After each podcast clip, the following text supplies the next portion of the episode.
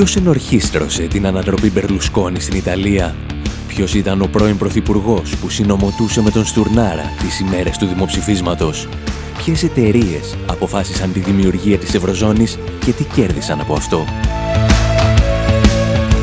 Οι δημιουργοί των ντοκιμαντέρ «Χρεοκρατία», «Καταστρόικα» και «Φασισμός ΑΕ» επιστρέφουν με μια νέα παραγωγή. This is not a coup. Δεν ήταν πραξικόπημα, είναι η Ευρωπαϊκή Ένωση. Μάθε πώς μπορείς να βοηθήσεις και εσύ την ολοκλήρωση του ντοκιμαντέρ στη διεύθυνση infowarproductions.com Η διεύθυνση infopavlawar.gr Η εκπομπή Infowar με τον Άρη Χατζηστεφάνου.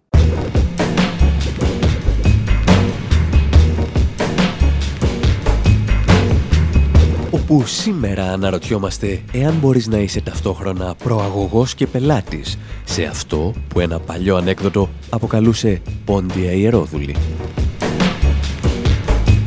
Ξεφυλίζουμε μαζί με την εφημερίδα των συντακτών τη νέα συγκλονιστική έκθεση του Ιδρύματος Ερευνών Transnational Institute. Παρακολουθούμε εταιρείες που λειτουργούν σαν σύμβουλοι φτηνών ιδιωτικοποιήσεων και στη συνέχεια αγοράζουν τις εταιρείες που ιδιωτικοποίησαν. Και έπειτα αλλάζουμε εντελώς θέμα αν και παραμένουμε στο χώρο των πολυεθνικών.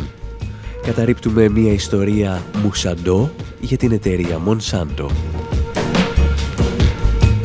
ακούμε τον Νίλ Young, τον Ben Harper και τους R.E.M. να συνομιλούν για τερατογενέσεις στην οικονομία, την πολιτική και την καθημερινότητα.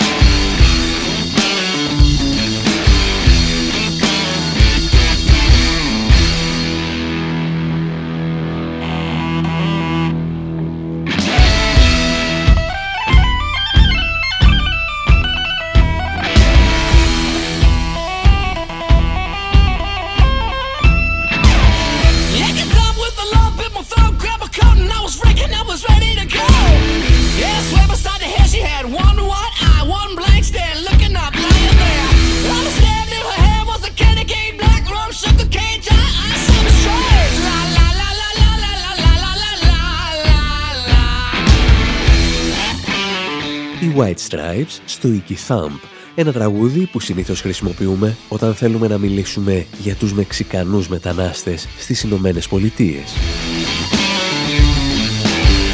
Σήμερα όμως το τραγούδι μας ενδιαφέρει για εκείνο το στίχο που λέει «Δεν μπορείς να είσαι νταβατζής και πόρνη ταυτόχρονα». Εμείς θέλαμε απλώς να εξετάσουμε εάν μπορείς να είσαι ταυτόχρονα νταβατζής και πελάτης σε εμπόριο λευκής σαρκός. Να βρίσκεις δηλαδή κάποιον, να τον εξαναγκάζεις να εκπορνευτεί, στη συνέχεια να καθορίζεις την τιμή της συναλλαγής και ύστερα να αγοράζεις το προϊόν που εσύ δημιούργησες. Αφορμή για σκέψεις σαν και αυτές αποτέλεσε η κυκλοφορία μιας αποκαλυπτικής έκθεσης που παρουσίασε αυτή την εβδομάδα το Transnational Institute. Ύστερα από πολυετής έρευνες, το Ινστιτούτο εντόπισε πολυεθνικές εταιρείες που λειτουργούν σαν σύμβουλοι ιδιωτικοποιήσεων και στη συνέχεια συμμετέχουν στην αγοραπολισία. Για να μάθουμε περισσότερα, επικοινωνήσαμε με έναν από τους συντάκτες της έρευνας, τον Ισπανό ερευνητή Σολ Τρομποβίλα. The most striking findings of the report was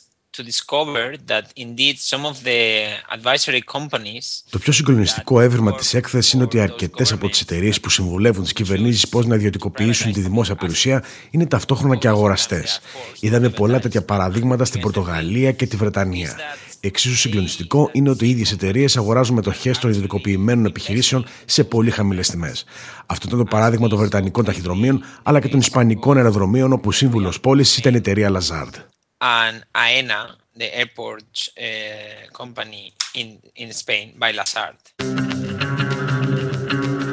Η εταιρεία Lazard, για όσους δεν θυμούνται, ήταν η εταιρεία που συμβούλεψε την ελληνική κυβέρνηση για το κούρεμα του PSI, το οποίο έδωσε την χαριστική βολή στα ελληνικά ασφαλιστικά ταμεία και αποτέλεσε ίσως τη δεύτερη μεγαλύτερη προδοσία της Κύπρου από το 1974. Ύστερα, η ίδια εταιρεία επανήλθε στον τόπο του εγκλήματος, φορώντας αυτή τη φορά τη στολή του ρομπέν των φτωχών. Ο ερευνητής της ιστορίας μας πάντως έχει και μερικές ακόμη ιστορίες να διηγηθεί για αυτήν. Lazard is the most important financial advisory company in the world. Η Lazard είναι η σημαντικότερη συμβουλευτική εταιρεία στον κόσμο. Έχει τα γραφεία της στη Νέα Υόρκη, αλλά την έδρα της στο φορολογικό παράδεισο των Βερμούδων. Η Lazard εμπλέκεται ως σύμβουλος στις περισσότερες από τις ιδιωτικοποιήσεις που εξετάσαμε. Έπαιξε καθοριστικό ρόλο στην ιδιωτικοποίηση των Βρετανικών ταχυδρομείων και των Ισπανικών αεροδρομίων και οι τιμές που πρότεινε ήταν οι χαμηλότερες που θα μπορούσε να σκεφτεί κανείς. Αφού λοιπόν συμβούλευσε τις κυβερνήσεις να πουλήσουν μετοχές σε πολύ χαμηλή τιμή, στη συνέχεια αγόρασε πακέτα αυτών των μετοχών και τα ξαναπούλησε πούλησε αμέσως, καθώς η τιμή τους ανέβηκε αμέσως μόλις κυκλοφόρησαν στην αγορά.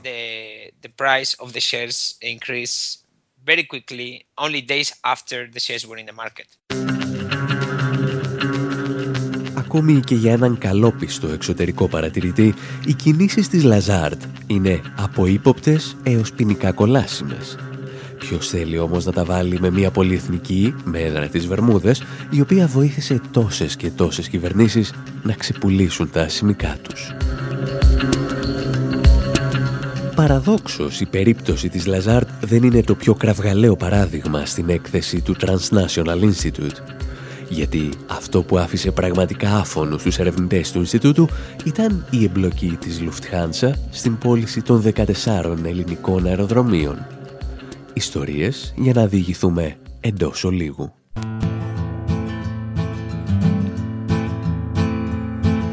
Well, I'll tell you one thing that I know.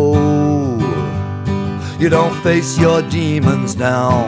You gotta grapple them, Jack, and pin them to the ground. The devil may care, maybe God he won't. But better make sure you check on the do's and the don'ts. Crawl up the mountain to reach where the eagles fly. Sure, you can glimpse from the mountain top where the soul of the muse might rise. And if you put it all together, you won't have to look around.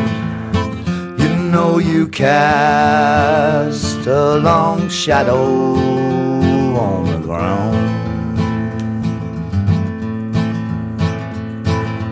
Then one day I could tell my tracks about the holes in the soles of my shoes. And that's the day I said I'm gonna make the news. I'm falling back in the garden, a day so long ago. Somewhere in the memory, the sun shines on you, boy. And playing in the arroyos where the American rivers flow. From the Appalachians down to the Delta roads. A man can't think so long, his brain could well explode. The trains running through the junctions and King Cotton's down the road. And if you put it all together, you won't have to look around. You know you cast a long shadow on the ground. Listen to the country, the nightjar and the bell. Listen to the night streamliner, sounding like the wolves of hell. Head for the water, the waters of the cleansing spell. It was always our destination on the express of the ne'er-do-well. Στην εκπομπή Infowar με τον Άρη Χατζηστεφάνου ξεφυλίζουμε την τελευταία έκθεση του Transnational Institute για το ρόλο που παίζουν πολυεθνικές συμβούλων στο ξεπούλημα της δημόσιας περιουσίας και πώς κερδίζουν εκατομμύρια ή δισεκατομμύρια από αυτές τις συναλλαγές. Στην έκθεση, την οποία μπορείτε να διαβάσετε μεταφρασμένη στα ελληνικά στην ιστοσελίδα της εφημερίδας των συντακτών, κυριαρχεί η περίπτωση της Ελλάδας και της Γερμανίας. Οι ερευνητές έμειναν έκπληκτοι από δύο στοιχεία. Καταρχήν, ότι η Γερμανία πιέζει για ιδιωτικοποιήσεις και οι εταιρείες καταλήγουν στο γερμανικό δημόσιο. Και δεύτερον, ότι σε μία περίπτωση ο σύμβουλος της ελληνικής κυβέρνησης τύχαινε να είναι και αγοραστής της περιουσίας του ελληνικού δημοσίου. The buyer of those uh, public uh, owned assets οι βασικοί αγοραστές αυτών των στοιχείων του δημοσίου είναι εταιρείες που ελέγχονται ως πιτοπλίστων από το γερμανικό δημόσιο. Η ιδέα λοιπόν ότι το ιδιωτικό management είναι καλύτερο καταραίει από τη στιγμή που ο αγοραστής είναι και πάλι κρατική επιχείρηση, αυτή τη φορά της Γερμανίας. Και αυτό αποκτά ειδική σημασία αν σκεφτούμε το ρόλο που έπαιξε η Γερμανία στις ελληνικές ιδιωτικοποιήσεις. Στη συγκεκριμένη περίπτωση, μάλιστα, έχουμε μια άμεση σύγκρουση συμφερόντων. Η Lufthansa έχει μια θηγατρική η οποία λειτουργούσε ως σύμβολος του Ταϊπέδ για την πώληση των αεροδρομίων. Άρα είχε εσωτερική πληροφόρηση. Την ίδια ώρα όμως η Lufthansa είναι και μέτοχος της Fraport, η οποία αγόρασε τα αεροδρόμια.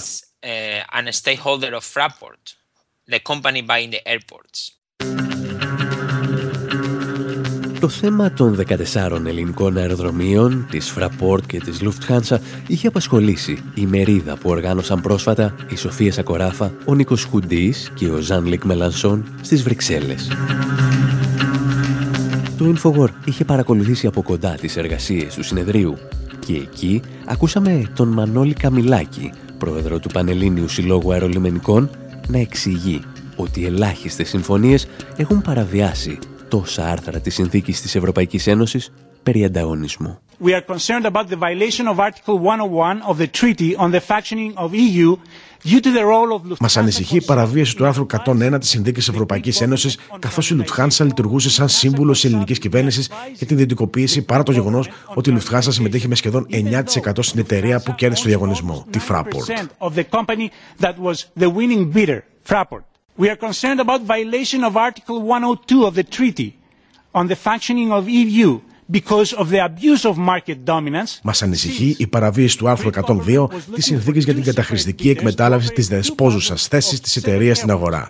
Αρχικά στόχος ήταν η πώληση των αεροδρομίων σε δύο διαφορετικούς αγοραστές, ώστε να περιοριστεί η συγκέντρωση του ελέγχου των δρομολογίων και των τιμολογίων. Επίσης, παραβιάζεται το άρθρο 107 της συνθήκης, καθώς οι ιδιώτες εκμεταλλεύονται τη χρηματοδότηση της Κομισιόν στα αεροδρόμια στα Χανιά, τη Σκιάθο και τη Θεσσαλονίκη. Ουσιαστικά η Ευρωπαϊκή Ένωση παίρνει τα λεφτά των φορολογούμενων για να χρηματοδοτήσει τα ελληνικά αεροδρόμια και τελικά τελικά έρχεται μια ιδιωτική εταιρεία να εκμεταλλευτεί αυτά τα χρήματα. To take advantage of the money of the uh, European taxpayers. Μερικές φορές λοιπόν, εάν θέλεις να υπακούσεις τις εντολές της Ευρωπαϊκής Ένωσης για να ξεπουλήσεις τη δημόσια περιουσία του τόπου σου, είσαι αναγκασμένος να παραβιάσεις ένα προς ένα τα άρθρα των συνθήκων της Ευρωπαϊκής Ένωσης. Οι επιστήμονες θα μπορούσαν να το ονομάζουν το παράδοξο του Juncker και να το αντιμετωπίζουν σαν κλινική περίπτωση. Αλλά για κάποιο λόγο δεν το κάνουν. Εμείς πάλι σας αφήνουμε για μερικά ακόμη λεπτά και επιστρέφουμε με περισσότερες ιστορίες για την Ευρωπαϊκή Ένωση και τις ιδιωτικοποιήσεις εντός ολίγου.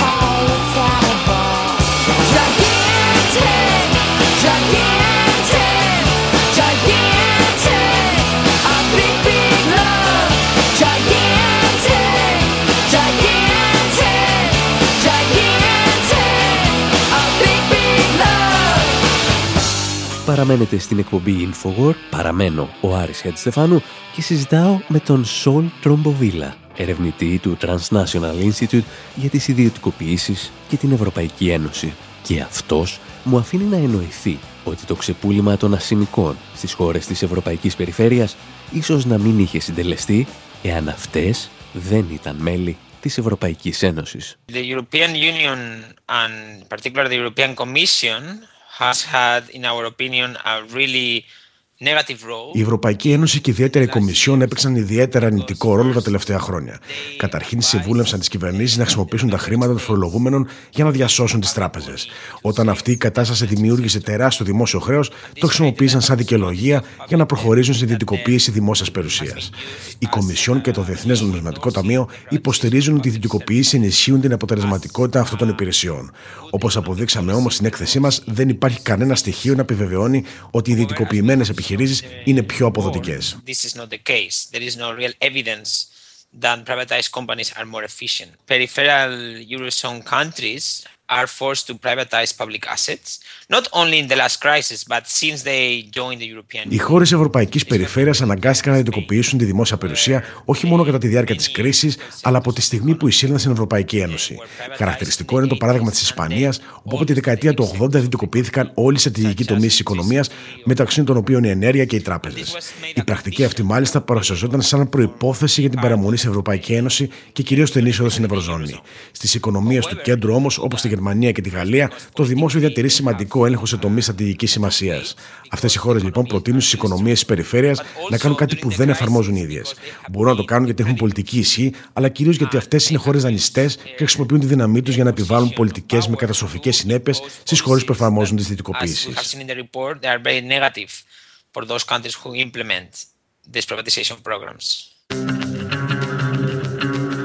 Αυτά μας έλεγε λοιπόν ο Σολ Τρομποβίλα, ερευνητής του Transnational Institute.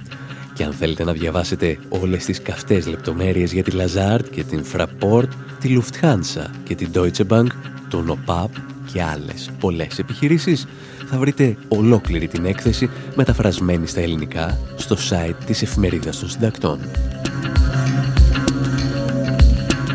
Θα το κάνετε όμως μετά το δεύτερο μέρος της εκπομπής, το οποίο έρχεται ύστερα από ένα ακόμη μικρό διάλειμμα.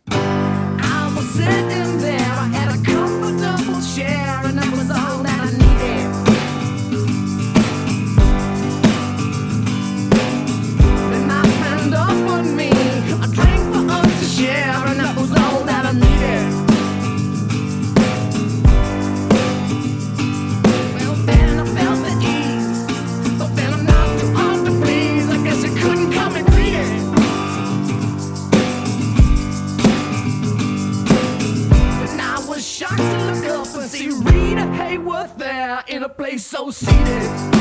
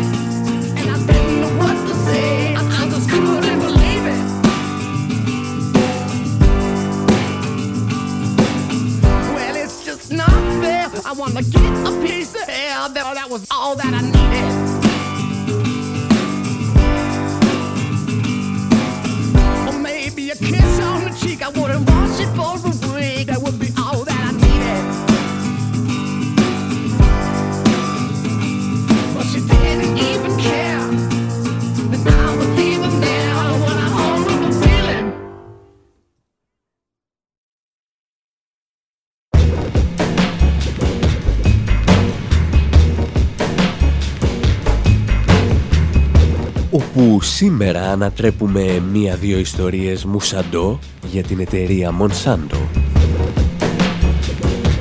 Όχι γιατί θέλουμε να τη στηρίξουμε, αλλά γιατί έχουμε πολύ χειρότερες ιστορίες να διηγηθούμε για αυτήν. Σκοτώνουμε τα κουνούπια της παραπληροφόρησης από την Αργεντινή και τη Βραζιλία και αφήνουμε τους R.E.M. να μας τραγουδούν σκοπούς εύθυμους για μια πορτοκαλί ουσία κάπου στο Βιετνάμ. Αναρωτιόμαστε γιατί τόσοι καλλιτέχνες γράφουν τραγούδια εναντίον μιας εταιρείας που ισχυρίζεται ότι θέλει να θρέψει ολόκληρο τον πλανήτη. Και ακούμε τις σχετικές απαντήσεις από τον Neil Young και τον Ben Harper.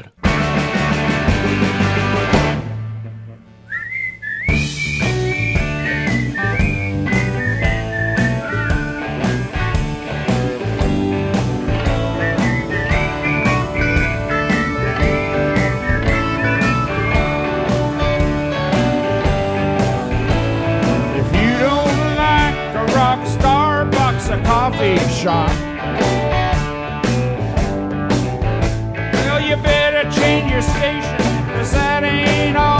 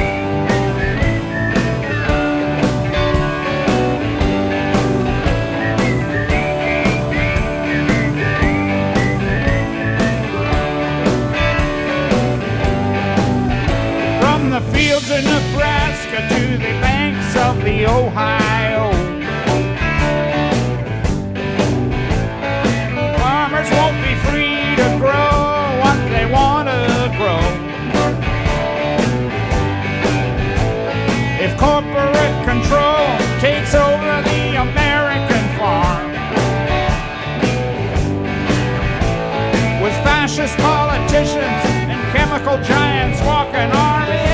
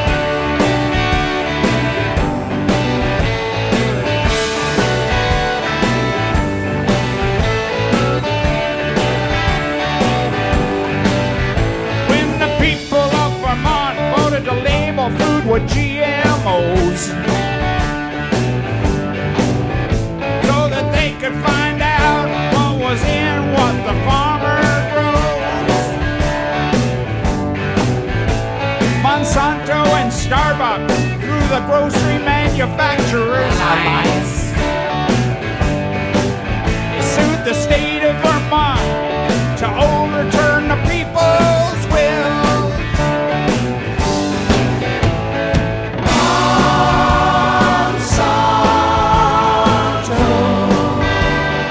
κύριος που ακούτε είναι ο περίφημος Νίλ Young στην περσινή του δισκογραφική δουλειά, στην οποία ο Guardian έδωσε 5 στα 5 αστεράκια.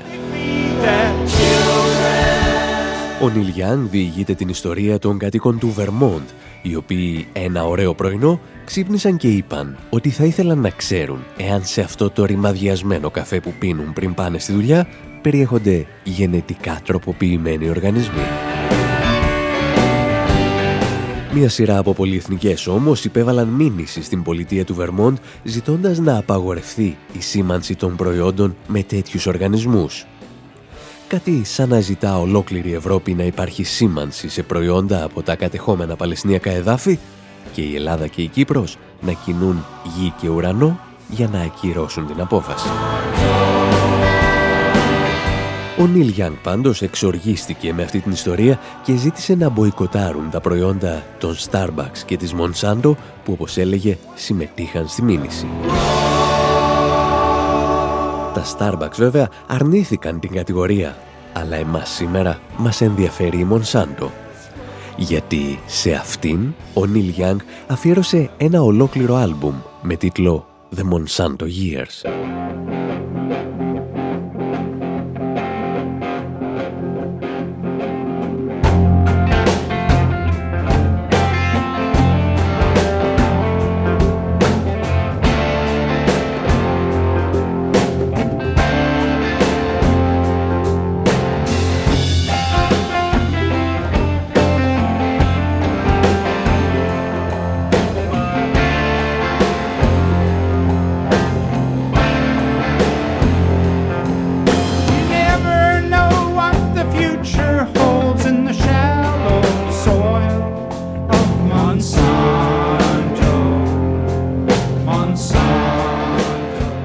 Στο Monsanto Years, ο Νίλ Young συνδέει την εταιρεία με φασίστες πολιτικούς που προωθούν, όπως λέει, τα μεταλλαγμένα και καταστρέφουν το φυσικό περιβάλλον. Αναφέρεται ξανά και ξανά σε αγρότες που δεν έχουν δικαίωμα να καλλιεργούν ό,τι θέλουν, αλλά πρέπει να λαμβάνουν εντολές από την εταιρεία. Pesticide. Σε ορισμένες στιγμές μάλιστα καλεί τους πολίτες σε ανυπακοή απέναντι σε νόμους που φτιάχτηκαν για να εξυπηρετούν συμφέροντα πολυεθνικών όπως η Μονσάντο.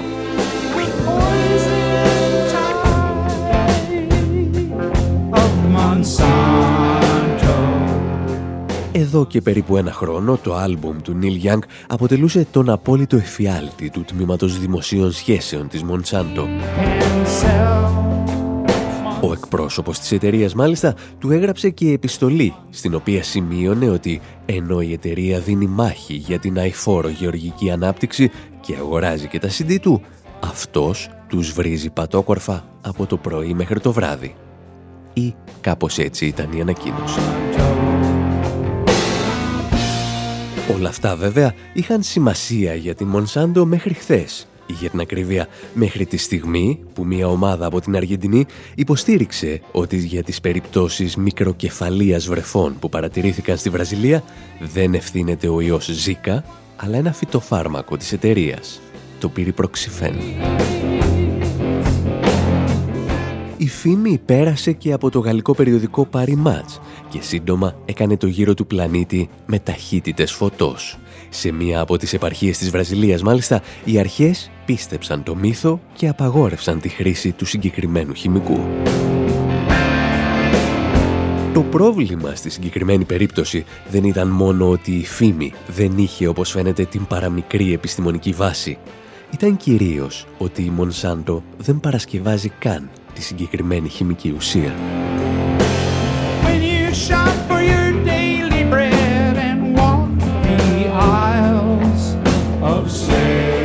Τα μεγαλύτερα αμερικανικά μέσα ενημέρωσης άρχισαν λοιπόν να αφιερώνουν σελίδες επί σελίδων για να εξηγήσουν ότι όλα ήταν απλώς μια θεωρία συνωμοσίας. Ότι η Μονσάντο δηλαδή δεν ευθύνεται για τις τερατογενέσεις.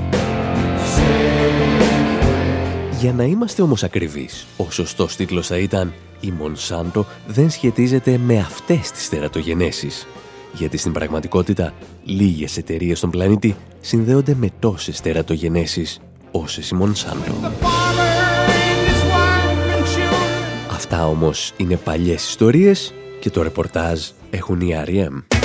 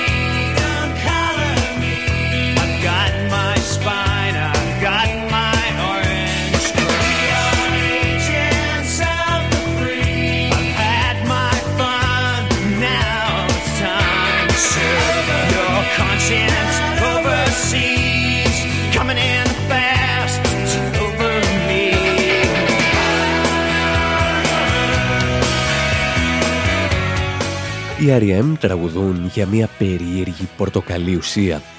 Το τραγούδι τους Orange Crush γράφεται για τα χημικά που χρησιμοποιούσαν τα αμερικανικά στρατεύματα στο Βιετνάμ για να αποψηλώνουν δασικές εκτάσεις μαζί με τους κατοίκους τους. Μια απλή συνταγή καταστροφής που μπορείτε να φτιάξετε και εσείς αναμειγνύοντας δίχλωρο φενιλοξικό οξύ με τριχλωρο φενιλοξικό οξύ.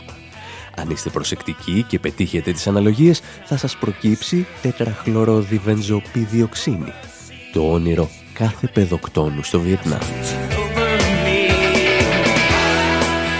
Για την ιστορία, την πορτοκαλί ουσία παρασκεύαζε τότε για τον Αμερικανικό στρατό η εταιρεία Monsanto, που τώρα δημιουργεί απλώς μεταλλαγμένα τρόφιμα. Οι R.E.M. τραγουδούσαν λοιπόν για τους εκατομμύρια ανθρώπους που πέθαναν από τους ψεκασμούς, τα δεκάδες χιλιάδες παιδιά που δεν γεννήθηκαν ποτέ ή τις τρομακτικές τερατογενέσεις. Ιστορίες που διηγούνταν σχετικά πρόσφατα και οι editors σε μία από τις καλύτερες διασκευές του Orange Crush, των R.E.M.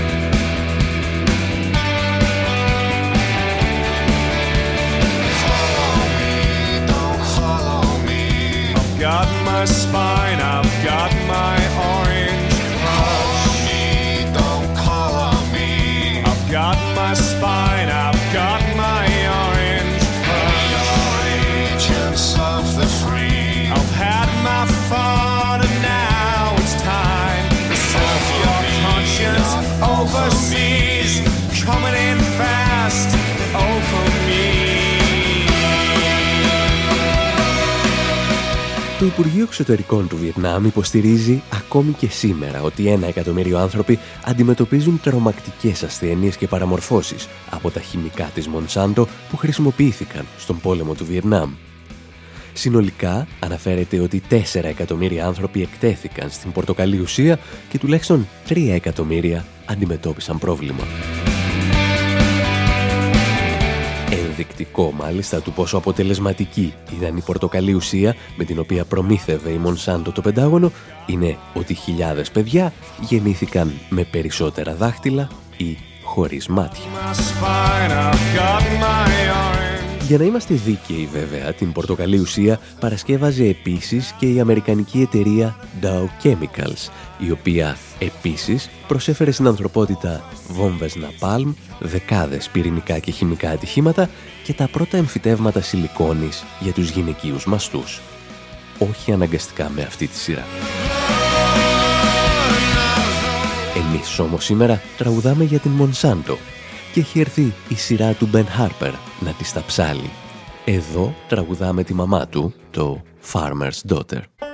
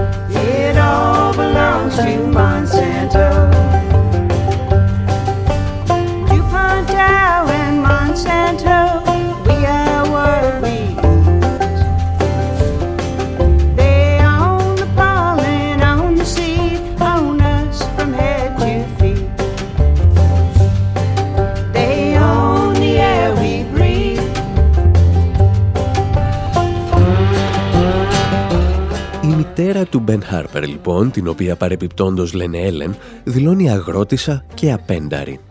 Δεν μπορώ λέει να ζήσω μόνο με νερό και κοπριά, γιατί κάποιες εταιρείες όπως η Dupont, η Dow και η Monsanto ελέγχουν τους καρπούς, τη γύρι, αλλά ακόμη και τον αέρα που αναπνέω. To shed her overalls, put on Η αλήθεια είναι ότι ελάχιστες εταιρείες, με εξαίρεση ίσως την Coca-Cola και την Shell, έχουν εμπνεύσει τόσους καλλιτέχνες να γράψουν τραγούδια εναντίον τους. Dirt. όπως η Anti-Flag. Εξηγούν ότι ο Παγκόσμιος Οργανισμός Εμπορίου σκοτώνει αγρότες σε ολόκληρο τον κόσμο. Έχουν μάλιστα το θράσος να συνδέσουν τις δραστηριότητες της Μονσάντο με τη λειτουργία του Διεθνούς Νομισματικού Ταμείου και της Παγκόσμιας Τράπεζας. Foreclosed our farm. Ιστορίες για αγρότες, για πολυεθνικές και για το Διεθνές Νομισματικό Ταμείο που κάθε αριστερός ξέρει να καταδικάζει στα φεστιβάλ του. Μέχρι τουλάχιστον όλοι αυτοί να έρθουν και στη χώρα του. Κάπου εδώ πάντως εμείς λέμε να σας αφήσουμε. Εφημερεύουμε και διανυκτερεύουμε καθημερινά στη διεύθυνση info.pavlawar.gr Δουλεύουμε μάλιστα νυχθημερών για το νέο μας ντοκιμαντέρ This is not a coup με τις τελευταίες συνεντεύξεις και τις πρώτες ώρες μοντάζ. Και αν δεν το έχετε πετύχει, αυτό είναι και το ραδιοφωνικό μας τρέιλερ για όσους θέλουν να γίνουν συμπαραγωγή μας. Ποιος ενορχίστρωσε την ανατροπή Μπερλουσκόνη στην Ιταλία; Ποιος ήταν ο πρώην Πρωθυπουργός που συνομωτούσε με τον Στουρνάρα τις ημέρες του δημοψηφίσματος; Ποιες εταιρείες αποφάσισαν τη δημιουργία της Ευρωζώνης και τι κέρδισαν από αυτό; Η δημιουργή των ντοκιμαντέρ «Χρεοκρατία», «Καταστρόικα» και φασισμός ΑΕ» επιστρέφουν με μια νέα παραγωγή. This is not a coup. Δεν ήταν πραξικόπημα, είναι η Ευρωπαϊκή Ένωση. Μάθε πώς μπορείς να βοηθήσεις και εσύ την ολοκλήρωση του ντοκιμαντέρ στη διεύθυνση infoproductions.com